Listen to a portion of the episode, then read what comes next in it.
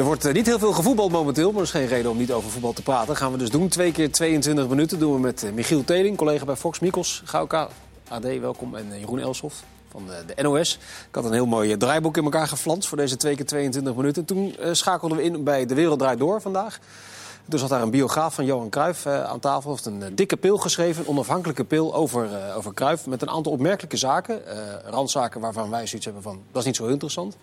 Maar het feit dat Cruijff zich door zijn eigen foundation 1 miljoen euro liet betalen... dat zorgde hier aan tafel voor wat gefronste wenkbrauwen.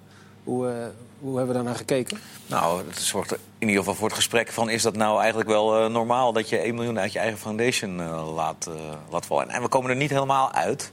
ik vind een heleboel geld.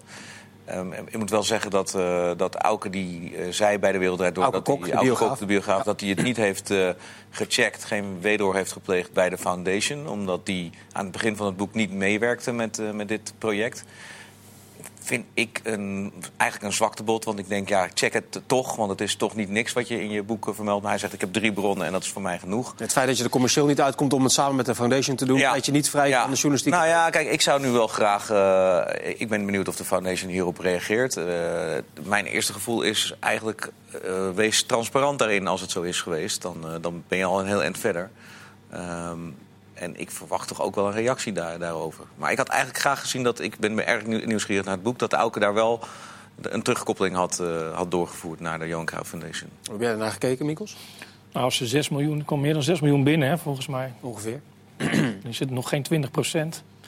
Kijk, een miljoen is altijd veel, maar de middenvelders bij Vitesse verdienen ook uh, richting drie bedragen. Dus ja, het is het is wel zo dat het een directeur van een, van een goed doel is. Ja. ja, maar dat vind ik toch, Mikos, ik ben, ik ben met je. Maar waarom zou je niet, hè, je laat mensen geld in zo'n foundation uh, stoppen, misschien zelfs wel uh, sommigen veel geld. Ja.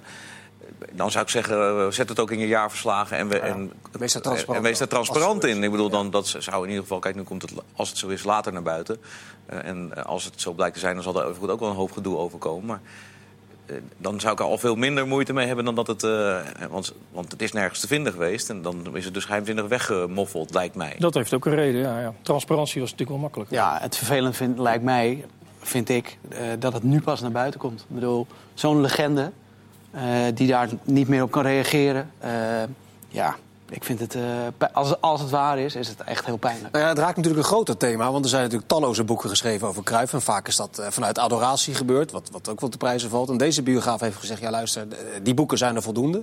Ik wil nu eens een keer de mens ontleden met al zijn voor- en nadelen. Ja. Nou, dan blijkt er toch ook een aantal uh, discutabele punten te zijn. Um, zit men daarop te wachten eigenlijk, dat zo'n mythe ontleed wordt? Of moet je dat mythe, mythe laten? Nee, dat vind, ik wel. Vind ik wel, ja. ja. Dat vind ik wel. Het werd wel een keer tijd, zou je bijna zeggen. Ja? ja je struikelde natuurlijk over de, de odes, maar... Ja, ik heb ook genoeg oud-ploeggenoten geïnterviewd die uh, weliswaar off the record ook wel vertellen dat ze uh, niet zo gecharmeerd waren van de mens Johan Cruijff. Mm -hmm. De voetballer Johan Cruijff is veruit de allerbeste. Maar er waren voetballers die zeiden, nou ja, schrijf het maar niet op, want... Maar ja, uh, Johan had ook wel zijn nukken en zijn slechte dingen. Ja, die wil je ook wel eens teruglezen natuurlijk. Ik ben wel benieuwd wat dit boek uh, los gaat maken met de dingen die erin staan. Want we hebben natuurlijk al vaker gezien dat als er conflicten zijn uh, rond, uh, rond Johan Cruijff in het, in het verleden... Dat, dat maakt heel veel los bij journalisten, zeker van een, van een wat oudere generatie. Ja, de generatie boven ons. Ja, de generatie boven ons. Ja. En ja, dan kan je al bijna handen wrijvend wachten. Want je, ik hoorde dat vanavond allemaal aan die tafel bij de Wereld. En dacht ik, nou, nou, daar gaan we de komende weken na het uitkomen van dit boek weer. Want dan zullen ze wel weer, daar zal ongetwijfeld weer een tegenbeweging komen. En ja, dat... dat dat op zich vind ik al, eigenlijk al de moeite waard. Wordt een sneeuwbal, hè? Krijg, je weer, krijg je weer kamp Kruif en kamp niet Kruif. Krijg je weer elke keer die discussie. Dat is dus zelfs na 3,5 jaar na zijn dood is dat... Dat blijft dan maar zo ja. daar aan kleven. Dat is toch ja. eigenlijk doodzonde. Zo'n goede, zo'n ja. grote... Nou ja, wij hebben het er nu ook weer over. Ik denk ook dat we het alle vier wel... Uh, tenminste, laat ik voor mezelf spreken. Zeker, zeker lezen. er staan ook smeuïge details over zijn privéleven in, toch? Ja, maar dat vind ik... Uh, nou ja, goed, dat is natuurlijk ook een onderdeel. Als jij een biografie gaat schrijven waar je alles ontleedt, ja. dat je dat ook uh, meepikt. Maar dat is iets wat ik ook qua discussie niet zo interessant vind als wat we, waar we de, de uitzending mee. Uh, Voor de verkoop wel, denk ik. Voor de verkoop zeker. dat denk ik ook, ja. ja. ja. Goed, dat was uh, een oud-international, lang geleden. Het Nederlands elftal bereidt zich voor op Noord-Ierland, waar jij zaterdag de commentator bent voor de collega's van de NOS. Um, het hele land heeft al een plasje gedaan over wie de spitspositie moet invullen. Wil ik jullie drie niet onthouden, dus zeg het maar. Uh, wie ik denk dat er gaat spelen of wie, wie oh, ik nee, wil dat er gaat spelen. Met een aantal argumenten waarom uh, iemand zou moeten spelen. Ik zou nu toch voor, uh, voor Weghorst kiezen. Ja? Ja, ja omdat Boadu is de andere optie. Ja, die zit er net bij. Die, die zou ik eerst laten wennen. Als het resultaat tegenvalt en je begint met Boadu, wordt hij ook meteen daarop afgerekend. Ik denk dat het in het geval dat je Weghorst opstelt minder snel gebeurt. Maar Weghorst is er ook al een tijdje niet meer bij, hè? Dus, ja. Nee, zeker, zeker. Maar ik denk dat Weghorst misschien toch wat beter tegen de druk bestand is. Omdat hij in de, in de Bundesliga toch ook zijn mannetje staat. Daar zijn doelpunten maakt, goed speelt. en natuurlijk, Boadu speelt week in week uit goed in de Eredivisie. Maar ik denk toch, jonge jongen eerste keer bij het Nederlands elftal, dat ik, ik zou daar niet mee beginnen. Jij, Mikkels? Ik snap de uitleg. Ik hoop het wel, Boadu. Ik denk Babel zelf, maar uh, ja, Weghorst zou wel een enorme stap zijn natuurlijk. Hij, die jongen verdient het ook. Hè. Is natuurlijk echt... Maar je zegt in een bijzinnetje, ik denk Babel. Is dat omdat dat in de gedachtegang van Koeman de meest logische optie is? Nou, omdat hij heel weinig, weinig verandert. Malen was eigenlijk al een soort, uh, ja, een soort, soort van grote stap hè, dat hij toen in één keer bracht.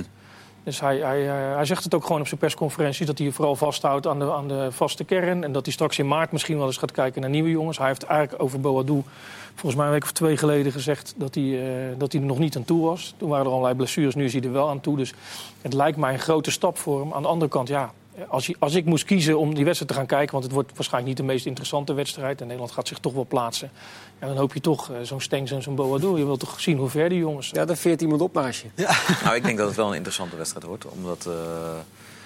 Nou, we hebben in de Kuip gezien dat Noord-Ierland lastig is. En ik heb de wedstrijd, volgens mij wij allemaal bijna wel de wedstrijd Noord-Ierland-Duitsland ook gezien. En uh, daar stormde het toch ook wel uh, ernstig. Nou, dan zeg ik niet dat die Noord-Ieren 3-0 kunnen winnen van, uh, van Nederland. Dat lijkt me wat ver gaan. Maar ik denk niet dat het een op het eerste gevoel een hele gemakkelijke avond wordt.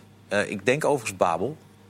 Ja. Omdat Koeman ook volgens jou heel nou ja, is, en... hij is toch van een proces. Ik hoorde hem tijdens de persconferentie zeggen dat hij... Uh, als ik het een beetje vertaal, dat hij Weghorst er eigenlijk min of meer bij heeft gehaald... omdat hij ook het gevoel heeft dat hij hem in de aanloop naar het EK... toch weer eens een keer uh, wil zien. Nou, als je dat zo zegt, dan dan zeg je eigenlijk niet van ik heb een plan met hem om met hem te starten. Uh, we moeten nog maar zien over of Memphis. Want ik heb dus heel, toch steeds meer het gevoel dat hij erg hard aan het uh, herstellen is. En erg goed, op de goede weg is. We moeten helemaal niet van staan te kijken als Memphis daar ineens wel staat. Want hij is zo ontzettend gretig om het uh, te halen.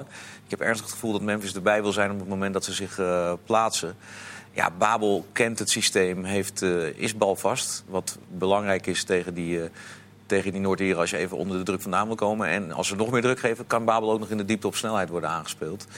En hij kent precies wat ze, wat ze willen. En uh, ja, Koeman is toch iemand die wel een beetje van het vertrouwen is en, en wil weten wat hij krijgt. Ja, dan denk ik dat uh, Babel uh, voor Koeman een logische optie is. Gisteren zat hier een gast aan tafel. Die ziet Babel wekelijks voetballen. Jordi, jammer. Ja. we hebben hem zelf gezien in de Champions League tegen Real Madrid. hij is niet echt in vorm. Nee, maar ik heb toch bij het Nederlands elftal vaker periodes gezien... dat hij bij zijn club helemaal niet geweldig uh, speelde. Uh, en dat hij toch bij het Nederlands elftal wel leverde. Dus volgens mij de laatste keer dat hij bij het Nederlands elftal zat... had hij vijf of zes wedstrijden niet uh, gescoord. Toen scoorde hij er zelfs twee in, in een interland tegen een wat mindere tegenstander. Estland. Uh. Ja. Mm -hmm. Hij leeft enorm op bij dus, uh, dus ja, het is, het is meer van het, uh, ja, het is een vreselijk woord, maar taakbewust voetballen. Dat kan je natuurlijk aan hem wel overlaten. En dan misschien later in de wedstrijd, als je iets moet forceren... of als, je, als Babel niet loopt, dan kan je altijd gaan schuiven. Maar dat is toch een beetje Koeman. We hebben het wel als reparatiebedrijf Koeman genoemd. Ja, dat, dat kan allemaal vanaf de bank komen. Dus uh, ja, ik, mijn gevoel zegt toch als Memphis niet fit is, dan, uh, dan, ja, dan dat, dat patroon wat jullie nu schetsen, is het dus ook logisch dat Luc de Jong eigenlijk geen kandidaat is om in de basis te starten. Omdat dat dan in de denkwijze van Koeman altijd een plan B blijft. Dat zei hij zelfs. Hè? Hij zei dat hij toch, uh, ook vergeleken met Weghorst, nog steeds de man is die van de bank wat kan forceren. Ja, als hij, hij, zegt als je, als je moet forceren dan, en ik Heb moet kiezen tussen Weghorst en uh, de Jong, dan kies ik altijd de Jong. Ja, omdat een betere kopper. Dat, uh, dat uh, de Jong een betere kopper is. En dan gaat het niet zozeer om de situaties in het 16 meter gebied. Maar als je 20 meter of 25 meter van het, van het doel moet verlengen, dan vindt hij, en dat is hij ook, de Jong beter in de lucht. Ondanks het feit dat ik wel begrijp dat Weghorst daar keihard aan werkt. Dus ja, ja ik, heb, ik, ben benieuwd wat nou de bedoeling is met Weghorst. Ik, het zou mij verbazen als hij start. Het zou me zelfs min of meer verbazen als hij in deze wedstrijd al minuten zou krijgen met alle opties die hij heeft. Maar misschien uh, komt nog een tweede wedstrijd achteraan. En als je je plaatst uh, dan kun je eens gaan kijken. tegen Noord-Ierland, dan wordt Estland een, uh, ja, een oefenwedstrijd. En dan kan je experimenteren al. Dan, dan, begint eigenlijk al direct je, je voorbereiding op een wat gekke manier. Maar waarom zou je dan voor, voor Memphis blijven kiezen? Die trainer van Lyon die zal toch ook wel denken, wat gebeurt daar nou toch allemaal? En ik zie hem elke dag inderdaad die rondjes rennen ja. in Zeist. Maar het is geen WK-finale of zo natuurlijk. Je kan toch eigenlijk niet maken dat je bij je club geblesseerd vertrekt. En ja. Zijs wat revalideert en dan zegt... Oh, maar ze zullen, ze zullen daar, want hij zei zelf dat er uh, overleg is tussen de artsen van de club en de artsen van de KNVB. Ik ja. denk, uh, ja, ik denk dat ze, Memphis is volgens mij toch een beetje zijn eigen baas wat dat betreft. Als die besluit dat hij wil revalideren ja, en hij erbij wil zijn... dan is er volgens mij niemand die hem tegen. In het verleden was het natuurlijk al wat gezamenlijk met Robben... die dan uh, bij Bayern en dan met Nederland zelf ging spelen, geblesseerd terug. Ja, maar meer, heel veel glazen geweest. Strootman, De Vrij. Precies, dus daar zullen ze toch iets van geleerd hebben. Ja, je hebt heel vaak toch de ellende dat de clubs uh, kwaad worden. En volgens mij was uh, bij Strootman was Rudy Garcia was trainer. Goed, dan wordt die club kwaad en dan? Maakt er niet uit? Nou, dat is bij De Vrij natuurlijk. Heeft dat wel een lang doorgegeven. Ja, maar Koeman zal hem niet opstellen als hij niet fit is. Nee, alleen... Uh, nou, volgens mij moest het Nederland zelf ooit als wieder goed mag gewoon weer een uh, ja. wedstrijdje met Bayern spelen. Ja, die oefenwedstrijd in uh, München. Met die uitgefloten, toch? Ja, dat was ook een verhaal was dat. Ja. Dat was even later wel over, een paar maanden later. Is de rechtsback-positie, is dat nog een issue? Veldman Dumfries. Twee niet helemaal geweldig in vorm zijn allebei, zeg ik. Ja, hij wisselt het sowieso af, hè. Mm -hmm. Maar ehm, ja, ik zou gewoon Dumfries opstellen. Waarom niet? Heeft het al die keren toch niet heel slecht gedaan. Nou ja, het is niet de man in balbezit, maar... Nou ja, daar, was, heel, daar was natuurlijk vrij veel kritiek op. Ja, omdat hij toen zo diep opgesteld stond en, en als een rechtsbuiten moest spelen. Maar ja, ik denk toch dat hij... Uh, ja, weer Koeman, dat hij vast blijft houden aan. En, uh, dat heeft hij steeds in die eerste interland heeft hij steeds uh, volgens mij Dumfries gebracht. En in de tweede bracht hij dan Veldman vaak. Of wisselde in ieder geval wat, maar ik, ik denk niet dat hij daar veel in verandert. Ja, ik, ik, ik, blijf dat op een of andere manier toch altijd een moeilijke... Je, je probeert altijd in het hoofd van de bondscoach te kijken. Dat, dat blijft een moeilijke afweging. Want soms denk je, nu kiest hij voor Dumfries en dan zie je daar ineens Veldman. Ja, je kan het op fysiek gooien. Wat doen die Noord-Ieren? Wat verwachten ze? Ik, ik heb toch het idee dat ze niet verwachten dat ze zo dominant aan de bal zullen zijn, eh, Oranje, dat... Uh, uh, Veldman net zo rechtsbuiten staat als de laatste interland uh, dat hij speelde. Omdat ze toch verwachten dat die Noord-Ieren druk zetten. Dus ja, ja, ik heb momenteel bij Dumfries heel erg het idee... die willen het zo graag goed doen bij PSV al, met Nederland zelf ook... dat hij zichzelf een beetje voorbij holt uh, af en toe. Ja, je kunt ook redeneren als, als je redeneert van uh, Noord-Ierland gaat stormen vanaf het begin... dat je een verdediger wil hebben die op dit moment misschien wat rustiger is. Ja. Uh, en dat je dan die voorkeur naar Veldman laat uitgaan. Ja, maar die doet weer iedere wedstrijd op de middenlijn. Chelsea, Chelsea uit was natuurlijk ook niet echt wat dat betreft heel handig. Dus dat, ja, dat zal ook in het hoofd van de bondscoach zitten. Het is, ja, maakt het zo heel veel uit? Nee. nee. Uiteindelijk, Uiteindelijk. gaat nee, het een doorslag geven? Al, ik denk eigenlijk uh, niet. Een beetje een soort 50-50 zaak voor maken. Ja. Nou ja, kijk, weet je, als je, dat, hangt ook, dat hangt natuurlijk ook wel een beetje voor, voor je gevoel van de rechtsbuiten af. Want als daar wel ineens Stenks gaat uh, spelen... dan heb je toch wel het gevoel eh, met de acties die Stenks altijd maar natuurlijk vaak binnendoor maakt... dat je daar een, uh, een overlapping van ja. Dumfries meer hebt dan een Veldman... die er natuurlijk veel minder als loper in zit. Vind ik een goed argument. Dus ja, we verwachten allemaal stiekem een beetje Stenks toch aan die kant? Of uh, als Babel in de spits zou staan en dan Promes aan de, aan de linkerkant? Ik noem maar wat. Dan zou je bijna denken, dan moet je toch Boadu opstellen. Dat, dat koppeltjes denken ja, natuurlijk wel eens ja, gedaan met maar, en Berg. Maar dan kom je terug bij de Koeman-gedachte. En dan kan ik me toch op geen enkele manier voorstellen... dat hij in de wedstrijd dat je je kan kwalificeren... begint met twee debutanten. Ja, die twee bruggetjes gemaakt. Zaten bij de vorige interlandperiode nog bij uh, Jong Oranje. Onder andere de wedstrijd tegen Jong Portugal speelden ze uh, uitstekend. In dat, uh, dat blijft, alhoewel Jong Oranje nu tegen Jong Gibraltar ja. speelt, dus ja. het zal wel meevallen. Maar het blijft dus in dat hele proces van... Uh, ze maken het EK belangrijk, willen ze graag bij zijn. Ze willen toch met iets van een vaste kern werken. Dat blijft lastig voor een coach van der Looy... dat hij nu weer te maken heeft met het feit dat zijn twee beste niet beschikbaar zijn. Ja, maar ja, je zegt het zelf al. Ze spelen tegen Gibraltar, daar zullen ze ook over nagedacht ja, hebben. Als de serieuze tegenstander... ja, dat, dat was eigenlijk mijn vervolgvraag. Was dat dan ook zo gegaan? Nou, Stel dat ze Jong Portugal uit hadden moeten spelen. Had je dan ook Stenks en Boadu uh, ja. Ik, ik, ik, ik, denk dat het heel prettig is dat ze die afweging niet hoeven maken. Ja. Dus, maar, want dan kan ik het me best voorstellen. Maar... Oranje moet altijd voorgaan, toch? Ja. Dus zo is het altijd gegaan. En bovendien, die, die kwalificatiecriteria zijn veel makkelijker geworden hè, bij Jong Oranje. Vroeger deden acht ploegen mee aan het EK. Volgens mij zijn dat er nu veel meer. Mm -hmm. Dus ja, ik zou dat nooit uh, af laten hangen. Ik begrijp wel dat je graag aan het toernooi meedoet... omdat je dan spelers een, een podium biedt om wat uh, vooruit te kunnen. Maar ik vond ja, wel mooi spelers wat, nodig hebt bij Oranje... Ja, ik vond het wel mooi wat ik hoorde bij de podcast van FC Afkik... hoorde ik Zeefuik daarover uh, spreken. Hè, hoe daar in die groep zelf tegen aangekeken wordt. Want ze zijn net begonnen. En dat gevoel wat rond de Jong Oranje is ontstaan... is natuurlijk ja, eigenlijk vanaf, vanaf die wedstrijd tegen Portugal nu geweldig... En die zei van het is juist mooi voor ons, want het is een voorbeeld van het kan wel. Als je goed presteert, dan zit je vrij snel bij het grote oranje. Dus het is een heel grote stimulans. Bovendien komen er jongens als Redan en Chong nu bij... die op die positie zichzelf kunnen bewijzen. Dus vul het maar weer opnieuw in en dat moet zich aan elkaar optrekken. Ja, ik vond dat wel een mooie gedachte in principe. Dus omdenken heet dat, geloof ik, hè? Wat, eh, ja, dat, ja, misschien jij dat beter in thuis dan ik. Oh, er een boompje over opzetten. Ja. Maar ik, ik, ik, ik volg die tv-serie rondom Jong Oranje die gemaakt wordt. Die Fox uh, uitzendt en ook op YouTube trouwens, moet u zeker eens naar kijken. Dat, die samenhorigheid, dat, dat ontbreekt natuurlijk vaak bij de jeugdploegen. Die, komt daar wel erg sterk naar voren. Het is wel, het is wel een mooi gezelschap als je het zo Ja, die docu is heel erg leuk om te volgen. Eigenlijk uh, vond ik de tweede aflevering het leukste. Uh, maar ja, je ziet inderdaad, het is een vriendengroep en uh, er ontstaat iets. Dat, ook de resultaten zitten uiteraard ja. ook mee, maar de, en de lichting is goed.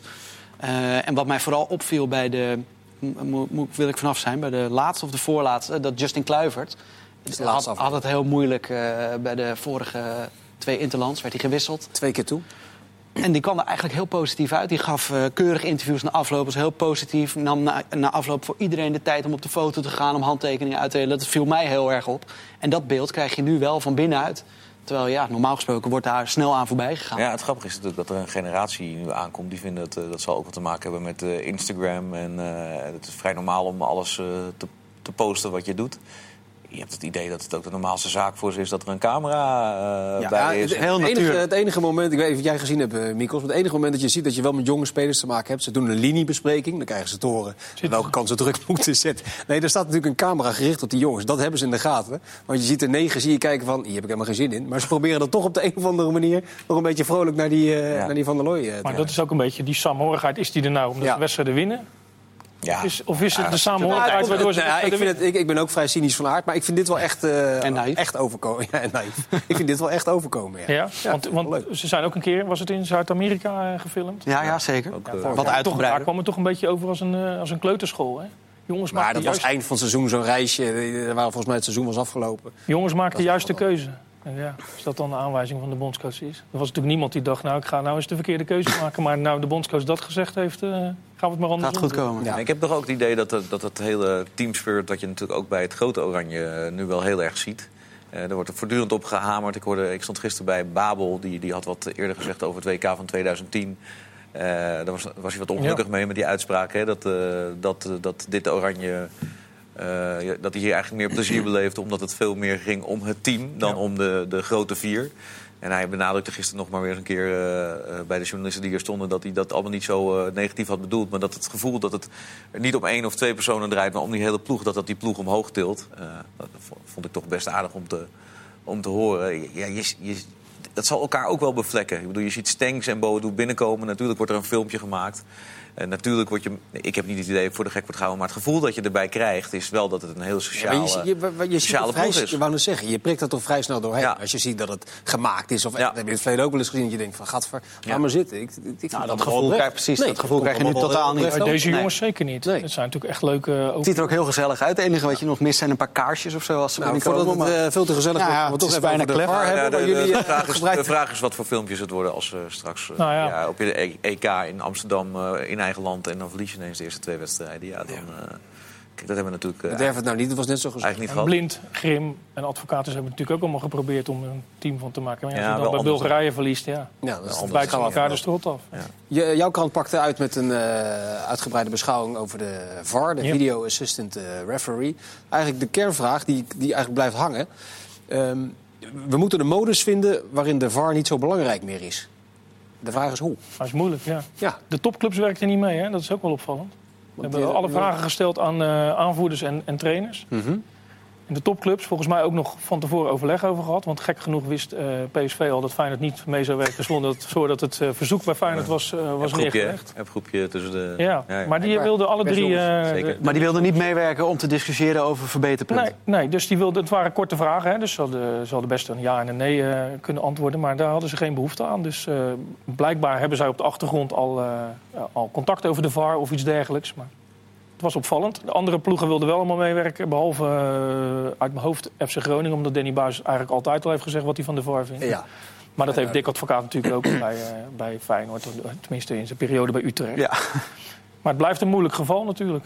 Nou ja, dat, dat, blijft heel, maar je ziet die, die hele discussie die kantelen het afgelopen anderhalf jaar. In het begin werd er gezegd van nou, het voegt wel iets toe, het wordt er eerlijker van. Daarna begon een kleine irritatie ontstaan, omdat er wat interpretatieverschillen waren. En nu lijkt iedereen te vergeten dat er nog steeds uh, vrij veel beslissingen uh, op een goede manier gecorrigeerd worden. Maar zelfs zeker. Dus de discussie slaat wel heel erg door naar het negatieve. Ja, maar, maar de grootste voorvechters. Je, je, je, komt, uh, dat heeft ook een beetje met populisme te maken, want ja. je, je, je wordt nergens op een schild gehezen op het moment dat je positief over de VAR praat op het moment. Nou, laten wij dat dan even doen. Er is op en toch voor mijn gevoel geen, geen journalist of geen voetbalvolger die zegt, nou, ik vind de VAR nog steeds geweldig. Nee, maar, uh, maar dat heeft... Ja. Nee, maar er is volgens mij ook helemaal niemand maar het is, het is, ik, ik bedoel, ik... Uh... Zelfs Makkeli vindt het niet, uh, nee, nee, nee, nee, is niet razend enthousiast meer... terwijl hij dat in het begin wel was. Het is niet ver weg van het feit dat mensen zeggen dat we het weer moeten afschaffen. En dat vind ik eerlijk Maar dat heb ik vanmorgen in de krant gelezen. Vrij, ja. vrij vluchtig. Maar de vraag, de vraag voor, voor je, dat... wat jij zegt, het, populisme heb ik ook wel aangestort. Het is vrij gemakkelijk om te roepen dat het allemaal kloot is. Ja. Alleen de vraag die op tafel ligt, wat zijn nou, wat zijn nou manieren waarop je het wel nou, ja, kan verbeteren. Komen we straks op Wenger nog? Of, uh... Ja, daar komen we straks op. Ja. Die gaat dat allemaal... Uh... Nou ja, want die, die heeft er natuurlijk ook wat mee te maken. Wat me ook wel een beetje stoort in de argumenten is... ja, we, we, horen nu al supporters die, die liedjes zingen tegen de VAR. Dan denk ik, ja, dat wordt, dan opge, dat, wordt, dat wordt dan opgeworpen als argumenten. Net zoals tegenstanders die eigenlijk voor de VAR al tegenstander waren... die nu gaan zeggen, ja, er wordt niet meer spontaan gejuicht. Nou, wij zitten volgens mij allemaal in voetbalstadions. Ik heb eerlijk gezegd toch nog echt nog geen één keer een doelpunt meegemaakt dat ik denk van hé, hey, wat blijft het uh, nee, nog nooit stil uh, om ja. me heen. En, uh, dus dat zijn argumenten waar ik eigenlijk niet zo in geloof.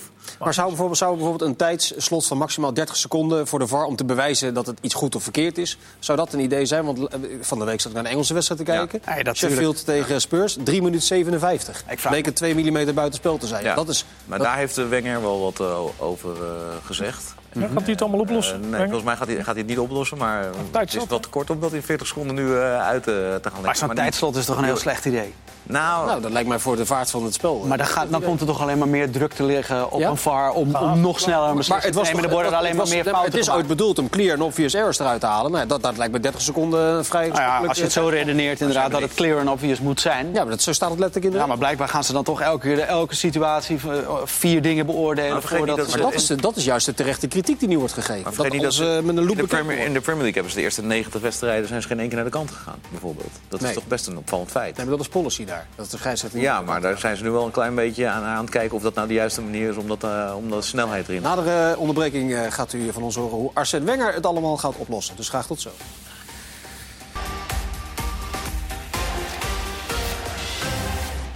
We gaan nog 22 minuten praten over alles wat het voetbal zo leuk maakt. En misschien wat minder leuk. We waren uitgebreid bezig in een VAR-discussie. Klein staartje, beloof ik u. Gaan we niet al te lang meer over door. Uh, jouw collega Sjoerd Monsou omschreef het als volgt. Een systeem van quasi-gelijkheid, willekeur, komma-geneuk, oponthoud en oneindige discussies. Uh, dat is een aardige conclusie, denk ik. Ik denk dat niet alles daarvan afgaat. Hoe je het ook, hoe je het ook doet. Ik denk dat de discussies altijd zullen blijven. Ja. Maar is die discussie ook op de een of andere manier niet verplaatst van de scheidsrechter naar de VAR? Ja, natuurlijk. De laatste anderhalf jaar. Ja. En kom je dus altijd terug op wat er vaak gezegd is, de kwaliteit van mensen? Ja, ja zeker. Daar is die scheidsrechter natuurlijk uh, totaal afhankelijk van. Uh, en, en de samenwerking kan ook uh, nog altijd veel beter. Maar goed. Maar de VAR is ook weer afhankelijk van de kwaliteit van de scheidsrechter. Ja, zeker. zeker. Alleen de, de VAR is de reddingsboei. En die kan, uh, kan de scheidsrechter uiteindelijk redden. En dat, moet die, dat, dat gebeurt in heel veel gevallen gebeurt dat niet. Ja. Eén, sterk voor in je schoenen staan. Eén dingetje nog. Ja, we, die, die, die, die, tijdspan hebben we, hebben we het er kort over gehad. Um, een systeem van calls heb ik ook wel eens gehoord. Dat een trainer uh, of een beleidsbepaler, weet ik veel, uh, twee keer per helft zou mogen zeggen. Zoals hockey. Ja, ja zoals maar, in het hockey. Maar ik vind dat ook uh, een redelijk... nou, het, het, komt natuurlijk uit hockey of uit het merken voetbal. Dan gooi je een rode vlag. En dan, nou, dat, is dan vaak, dat gaat vaak over binnen of buiten de lijn. Sta je met je voet binnen of buiten de lijn. Dus ontzettend meetbaar. Wanneer doe je het? Uh, je gooit uh, die, die vlag erin of je vraagt een call aan... en dan ga je naar een overtreding kijken... en dan ga je terug, toch weer terug naar de subjectieve waarneming ja. van, een, uh, van een scheidsrechter. Waarmee je de discussie dus niet weghaalt. Waar je, dus dat vind ik ook nee, maar het, het, enige voordeel wat je daaruit zou halen... is dat je het beperkt tot twee ja. keer per... Maar als jij twee keer al een call hebt gebruikt...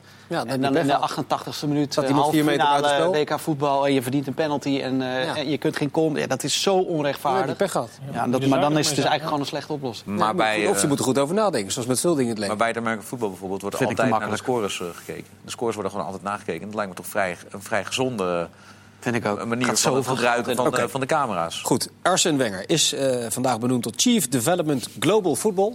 Leuk Gaat hij dat eh, probleem met de VAR eh, van tafel vegen? Of, eh, Nou, hij heeft wel ideeën. Wacht. Eh, Ja? ehm, eh, nou, nou ja, hij, hij- Dat valt wel te hoop. Je kan, je kan natuurlijk een beetje, zo iemand wordt aangesteld en dan kan je een beetje kijken van wat heb je nou de laatste, want het zal voor hem niet uit de lucht komen vooral, wat heb je nou de laatste weken en maanden gezegd over bepaalde punten. Hij is groot voorstander van de VAR, dus afgeschaft worden, maar dat, dat li- lijkt me ook onzinnig, zal het zeker niet.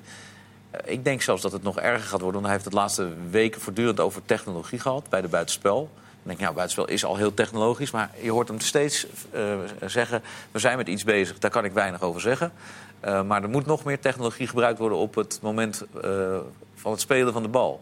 Ja, Dus ik- komt er een chip in de bal. dus komt er een chip in de bal. Ik denk echt dat we over niet al te lange tijd gewoon een, een, een knop hebben in de ruimte bij de VAR.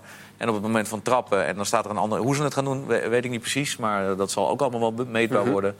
eh, via een Hawkeye-achtig systeem. Ja, dan kan je gewoon zien of iemand buiten spel staat. Dus gewoon rood of groen licht. Ja, want we hebben nu in het recente verleden een aantal situaties Ja. gehad... Waar, waar je de discussie hebt van het moment van stilzetten van het beeld. En dat Ja. kan eh, met een frame in het, in het televisiejargon ongeveer 400 schelen. En 400 als je 20 km per uur loopt is 40 centimeter, zeg ik Ja. snel uit mijn hoofd. Ja. Uitgerekend. Ja, dat is, maar dat is Ja. nogal. Dat is wel cruciaal, ja. Nou, ik, ik, vind eigenlijk, ik vind eigenlijk ook dat. eh, je hoort nu veel, de buitenspelregel is daar niet voor bedacht. Maar als je het op die manier toe wil passen, dus je wil met die lijnen werken, dan moet je dus toe naar een compleet betrouwbaar systeem. Anders heeft het eigenlijk heel weinig zin. Als je nog altijd moet scrollen. Bovendien houdt televisie altijd een beetje voor de gek. Dat is een beeldmatig interessant eh, verhaal, maar te lang om dat nu allemaal uit te leggen. Maar dat is nog best ingewikkeld. Dan, dan moet je het technologisch maken. Want anders blijf je deze discussie houden. Of je moet het helemaal weghalen. Dus wat mij betreft is het of met die chip. Nou, vooralsnog word je inderdaad ook maar weghalen dan bij buitenspel. Want als het mensenwerk blijft met scrollen... En, en dat, ja, dan weet je dus nooit 100% zeker of er sprake is van buitenspel. Ook de twijfelgevallen. En dan moet je gewoon fluiten in, eh, in het voordeel van de aanvallende ploeg. Maar en, en verder, Arsene Wenger. Ik bedoel, Chief Development Global Football klinkt als een eh, functie met een heel hoog salaris. Nou, dat, dat, dat zal hij zal nog wel wat bijgesprokkeld hebben daar. Want volgens mij had hij al bijna getekend. Toen eh, liet hij ergens nog even vallen dat hij ook in de belangstelling stond van Bayern München. Dus eh, zal Infantino, die graag een grote naam wilde na Boban en eh, Van Basten... die allebei vertrokken zijn het laatste jaar, nog wel wat hebben bijgelegd. Is het ergens jammer van iemand die zoveel voetbal-know-how heeft... dat hij ergens op een stoel gaat zitten in Zurich? Tenzij hij iets, wat- iets kan bewerkstelligen. denk Ja. Maar dat Ja, dat lijkt me ook ingewikkeld. Ik vind het Development daar wel Global. Football. ja. die gaat, die gaat er niet eh, met 14 Wat man is, eh, zijn bijnaam is toch de professor? Ja, Nou, professor. Lijkt me uitstekende functie voor een professor. Maar toch zal er wel iets. eh, kijk, ze, ze hebben, hij is wat rustiger dan. eh, hij, hij neemt min of meer ook de, dus een deel van die rol van Van Basten over. Die daar natuurlijk vlak nadat hij was aangesteld met een, ongeveer een waslijst van eh, nieuwe ideeën kwam. waar ze zich helemaal kapot van schrokken bij de FIFA. Wenger is wat rustiger daarin. Maar de dingen die je hoort is dus bijvoorbeeld die technologie. Hij heeft ook heel veel gezegd over hands. Dat moet ook anders. Dus ik, ik, je voelt op je klompen aankomen dat je toch binnenkort het voorstel gaat krijgen dat bal tegen hand altijd hands zal zijn. Want dat lijkt me toch de enige manier om het, eh, om het te gaan oplossen. En hij zal, net als iedereen die daar wordt binnengebracht, dat had Van Basten ook, maar dat heeft iedereen die op zo'n functie terechtkomt, die zal op enig moment met, eh, met dingen moeten komen om te laten zien dat hij er is. Van Basten liep iedere keer aan tegen het feit dat dan bedacht hij allerlei dingen. Dan ging hij dan voorhouden aan een panel van de IFAP-mensen. Die waren allemaal 93 en die wilden niks. Nee, Ja, niet geïnteresseerd. Nee, niet geïnteresseerd. Nou, ja, ja, met die leeftijd valt het volgens mij eh, wel mee. Maar ik bedoel, die ging wel vrij rig- rigoureus er natuurlijk in. Die, ging, eh, die begon gelijk over het afschaffen van, eh, van, van buitenspel. En, eh, en eh, oranje kaart. En ik heb van alles, van allerlei... volgens mij een vrachtwagen met proefballonnetjes. Dus dat, dat is natuurlijk... Ja, daar overval je die mensen misschien wel mee. Ja, jij steekt je vinger op. Ja, ik krijg een, eh, een berichtje binnen dat er een, eh, een tweet is van eh Carola Tater. Die heeft gereageerd op de uitzending van De Wereld Draait Door. Heel goed. Die heeft gezegd erg laag en vals om te beweren dat Johan jaarlijks 1 miljoen door de foundation zou zijn betaald. Altijd zorgvuldige scheiding tussen Johans privé-commerciële activiteiten en fondsen bestemd voor de foundation, zoals steeds in verantwoording aan accountants en CBF gedeeld. Ja, dat is precies wat jij voorspelde, dat dat zou gaan gebeuren. Maar deze reactie, ik bedoel, dit, Ja. dit, eh, het had natuurlijk toch... eh, Had het gecheckt. het nog een keer. Chiquer geweest als je deze reactie, eh, of dit toch in dat boek had gezet. Als je dat op voorhand had gehaald. Nou ja, dat, dat, lijkt, me, dat lijkt me toch... eh, Tweede druk. Ja. dat lijkt me toch redelijk eh, normaal, voor mijn gevoel. Ja. Dus eh, ik ben benieuwd of ze... Ze noemt het een lage reactie. Ik ben geen advocaat of zo. Maar ik ben benieuwd of je hier ook nog ge- gerechtelijk iets mee kan, eerlijk gezegd. Nou, ongetwijfeld gaan ze dat bekijken. Maar dit is nog steeds, ja, commerciële activiteiten. Is dat allemaal zo duidelijk dan? Wat die Of is, het, is, het niet, is dat via de fondsen binnen? Dat geld, zo, nou, goed, dan ga je geld via de fondsen. En... Dan ga je iets te diep op de materie. Maar de, de, de reactie is er in ieder geval van de Cruijff Foundation. Ja, maar ik zou toch nog steeds zeggen, wees transparant en laat het, uh, wil er mee overal vanaf. Uh, laat iemand leg het, maar, leg het maar op tafel. En dan, uh, dan zie je snel genoeg wie, er, wie de waarheid spreekt of niet. Gaan we terug naar de eredivisie, waar Feyenoord onder advocaat nog niet verloren heeft in ieder geval. Twee keer gewonnen van VVV en RKC. Alsof de Europa Cup binnen was. was. half vol. Rolden ze over elkaar heen in, de Kuip. 1-1 tegen Young Boys. Uh, hoe dichtbij is Feyenoord met het aantrekken van uh, Arnezen... die het zelf eigenlijk al bevestigd heeft? Nou, dat is rond. Maar uh, nog, niet, nog niet officieel gemaakt met een presentatie of een ondertekend contract. Maar ze zijn er helemaal uit. Dus die, die gaat gewoon naar Feyenoord toe. Uh, hij is alleen heel erg. Uh, hij is geopereerd aan zijn knie, dus hij is slechter mhm. been. Dus ik denk dat Frank Arnezen zelf ook denkt: ja, als ik daar binnenkom strompelen, ben ik dan de man die energie gaat brengen in die, in die ploeg. Dus misschien dat ze daar een klein beetje op wachten. En ze wachten natuurlijk, ze wilden volgens mij ook een, een hele directie presenteren. Troost mhm. had zelfs twee weken geleden gezegd dat het was nog een kwestie van weken. Nou ja, dat zou dus nu eigenlijk moeten zijn.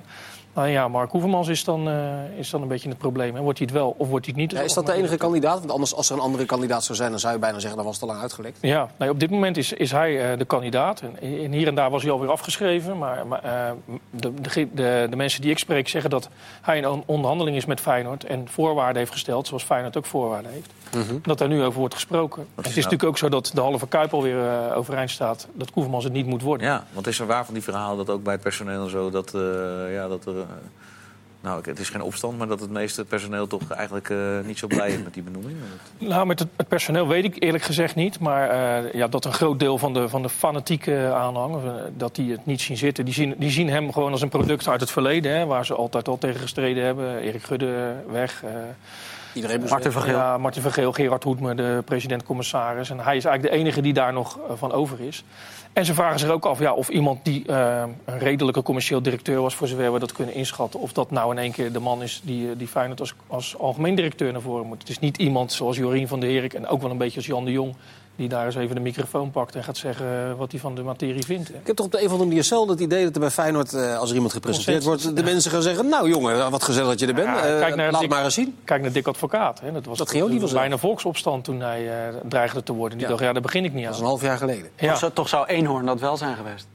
Als echte Feyenoord. Ja. Bij zijn start zeker. Ja, ja toch? Die, Zou, die zou door zijn verleden zou die, zou die toch heel veel krediet hebben gehad? Huibert zo. Arnees ja. is nu denk ik wel iemand die, ja, ondanks het feit dat hij natuurlijk een Ajax en PSV verleden heeft, wat ook vaak slecht valt in Rotterdam-Zuid, is volgens mij hij wel iemand waar mensen wel uh, vertrouwen in kunnen hebben. Met dat brede internationale netwerk. Iemand die ook bekend staat als dat hij de jeugdopleiding en de scouting aanpakt. En ook uh, zo gedreven is dat hij mensen waar hij goed mee heeft gewerkt. of die een, uh, een goede naam hebben, toch wel de, de, de deur kan wijzen. Hè. Dat heeft hij bij ja. PSV met oud-spelers gedaan. Hè. Wim Kieft, uh, Van Aarle, Van Tichelen.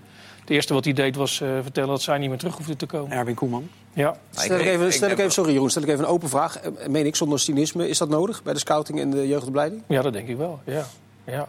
Kijk, ik, ben hier niet om, uh, om, om, mensen een baan af te nemen of om naar huis te sturen. Maar ik heb wel het idee dat er bij Feyenoord, zeker in de jeugdopleiding... heel lang gedacht is, laten we nou iedereen maar rustig houden. Hè? En, en, en, de aanstelling van Stanley Bart, die, die het uitstekend had gedaan... daarvoor als hoofdopleiding, was ook een beetje in, in die lijn. Hè? Ze kwamen er niet helemaal uit. Uh, werd weggestuurd. En dan duurde het toch een week of drie, vier. Bart was vrij voordat hij werd aangesteld. En uh, Van Geel was eigenlijk niet zo'n fan. Maar hij heeft toen gedacht, ja, die jeugdopleiding en ellende. En Bart komt daar binnen en dan komen de oude trainers die er al jaren zitten... die kunnen lezen en schrijven met hem. En dan is het toch weer een tijdje rustig.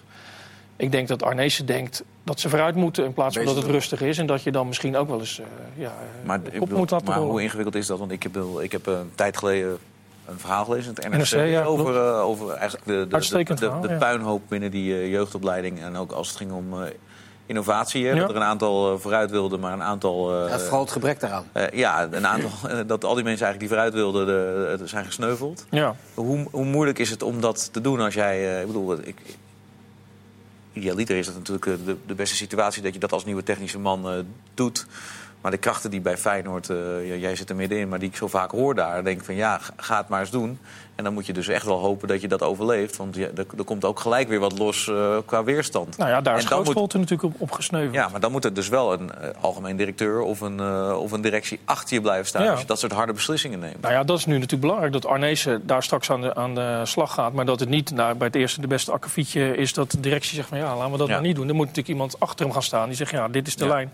Wie hem niet wil volgen, die, die is gezien. Dus twee, Zeker in de scouting ook. Hè? Dus twee hoofdzaken voor hem is het aanstellen van een nieuwe hoofdcoach ja. volgend jaar. Uh, tevreden houden daarmee met uh, van Dirk Kuyt, die daar toch altijd maar rondloopt en boven die club zweeft. En het aanpakken van die jeugdopleiding. Ja, ik zijn er drie, maar het klopt wel. Ja. ik weet niet of, of hij nou als, als taak moet hebben om Dirk Kuyt tevreden te stellen. Kijk, dat nou Dirk Kuyt geweldige verdiensten heeft gehad voor Feyenoord... staat, staat uh, uh, boven water natuurlijk. Maar als hij daar nou komt en denkt... ja, alles moet een beetje in het straatje van Dirk Kuyt passen... Ja, dan weet ik niet of hij nou wel de ja, maar dan kom je toch, dan kom, is hij, dan kom je toch terug op de krachten waar ik het, uh, waar ja, ik maar, daar, daar moet hij een type die daar wel gewoon ruzieloos... Uh... Wat ik lees, ik heb me een beetje in verdiept... morgen een verhaal in de krant... ik las vandaag ook een verhaal in, uh, in VI... Ja. is dat wel wat, wat, wat hem wordt toegeschreven. Kijk, bij Anderlecht was het moeilijk. Daar kwam natuurlijk het hele Manchester City-circus van Vincent Compagnie binnen... En toen haalden ze spelers waarvan hij niet eens wist dat ze waren gehaald. Ja, dan ben je heel gezien. Maar goed, daarvoor haalde ja. volgens mij ook uh, Lucas en, en, en Flap. Uh, hij, heeft, hij heeft het wel geprobeerd. Ja, en, dat klopt. Ja, niet alles is... Maar ja, er waren ook wel wat twijfels bij, bij Anderlecht. Uh, want ik heb, ik heb toevallig nog wat belletjes gedaan met de mensen die daar rond, rond wandelen. Die zeiden ook van ja, de, er was ook niet altijd de tevredenheid over de betrokkenheid. Wel van Fred Rutte, maar er waren altijd twijfels rond, rond ja. hem. Dus, dus, ik ben wel benieuwd uh, of, of, hij bijvoorbeeld daarin ook revanchegevoelens heeft. Dat hij nu toch wil laten zien wat Dat denk ik wel. Kijk, hij wil zelf nog niets zeggen. Maar ik moet wel zeggen, ja, bij Anderlecht is zoveel fout gegaan. Als we dan nu nog aan de betrokkenheid van de technisch directeur uh, ja. twijfelen. Ja, het grappige is de hele club is, het valt, het valt al jarenlang om. Het grappige is dat hij wel zei, toen de compagnie werd, uh, werd aangesteld... toen zei hij, geweldig project. Maar hij was ongeveer wel de enige die zei... daar moet wel een ervaren man ja, naast. Met verschuren ook niet. Ja, en, nee, en daar werd hij, werd hij voor weggehoond. En uiteindelijk is dat toch gebeurd. Ja. Maar ik zeg ook niet dat, uh, dat onze lieve heer binnenstapt straks op, op, in de Kuip of op Varkenoord. Maar Feyenoord heeft natuurlijk onder Van Geel heel vaak de kritiek gekregen... dat ze niet verder keken dan, dan Ruud Vormer, John Goossens en, en Otman Bakal. En als we die konden halen, dan, dan werden ze gehaald.